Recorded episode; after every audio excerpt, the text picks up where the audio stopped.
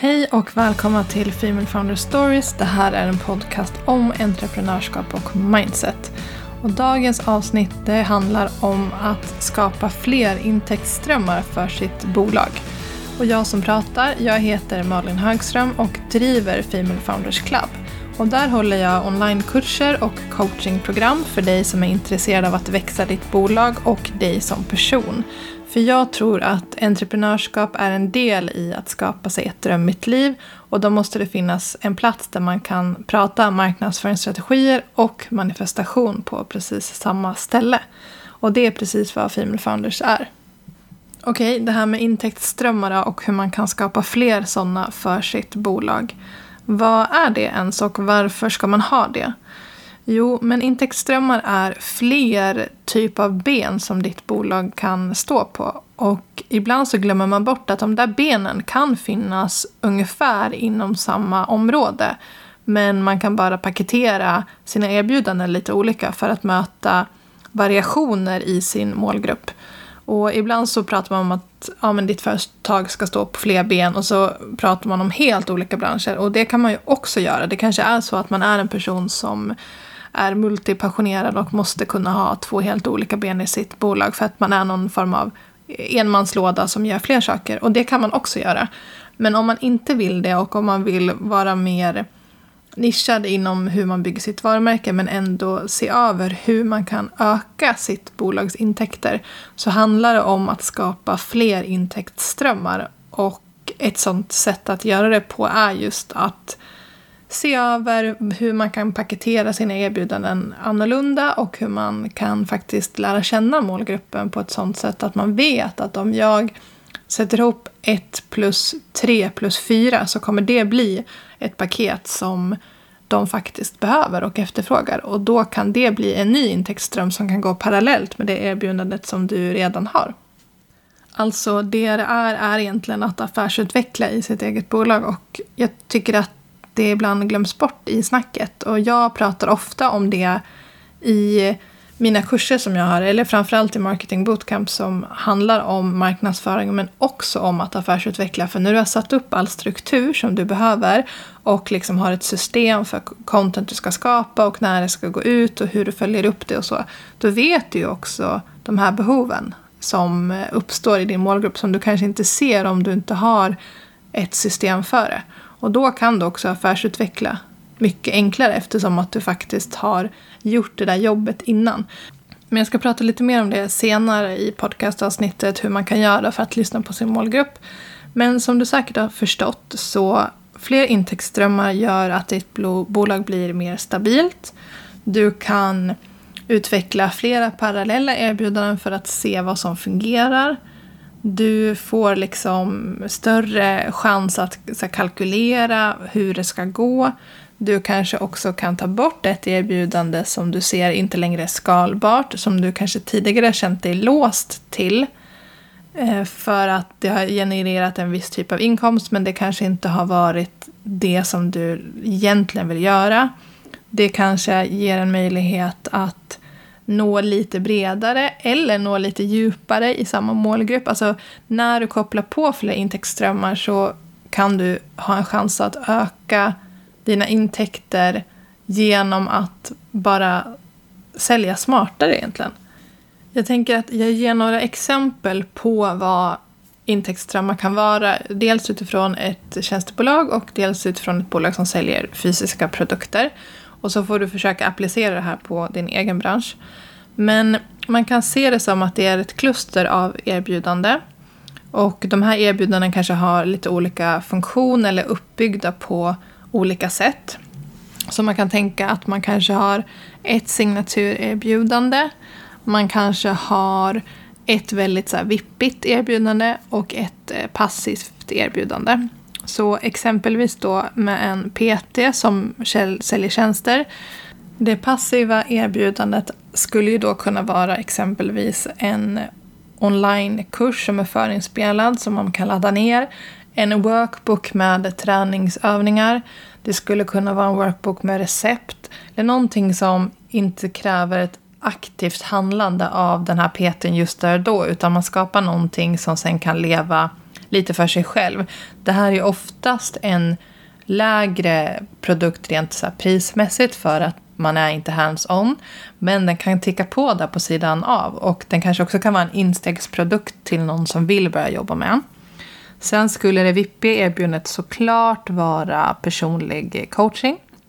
Där man kanske erbjuder mer så djupgående analys både kring kost och träningsupplägg och någon annan form av coaching också som man kanske har kompetens inom. Alltså det vippigaste man kan ha. Och signaturerbjudandet eller kanske standarderbjudandet skulle kunna vara en klassisk eh, PT-timme på gymmet. Och om man då går till butiken som säljer smycken då skulle ju kanske ett passivt erbjudande vara en stylingworkshop där man lär sig hur man kombinerar smycken. Och det kanske också är en så nedladdningsbar video man har på hemsidan eller någonting som inte kräver ett aktivt handlande där och då av den som har den här butiken.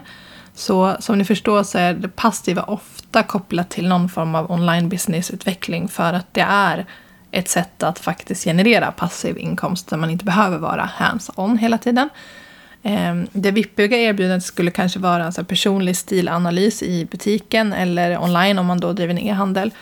Där man går igenom så här, vad har du för smycken idag, vad skulle du vilja ha för stil, vad behöver vi komplettera med och sen så får man en så personlig rekommendation som man kan köpa i den butiken eller såklart någon annanstans. Man behöver liksom inte hålla dem accountable till att man måste handla där. Men det kommer bli naturligt att man vill handla där eftersom man har byggt upp någon form av relation.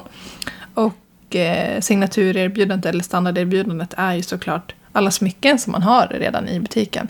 De kan man ju också jobba med att paketera på olika sätt. Det kanske är så, ja men halsband och armband kan höra ihop och sådär. Och det gör ju butiker redan idag. Så det tror jag de flesta som säljer produkter kanske redan har koll på. Det var lite exempel utifrån både tjänsteföretag och produktföretag.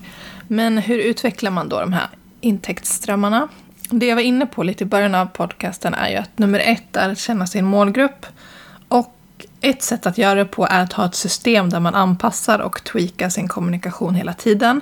Och det som jag sa var att det här pratar jag hela tiden om i min utbildning Marketing Bootcamp. Som för övrigt öppnar om några veckor. Eh, om man är sugen på att haffa en plats för eh, omgång nummer två av den här kursen så kan man vara lite på sin vakt för snart börjar jag snacka jättemycket om det.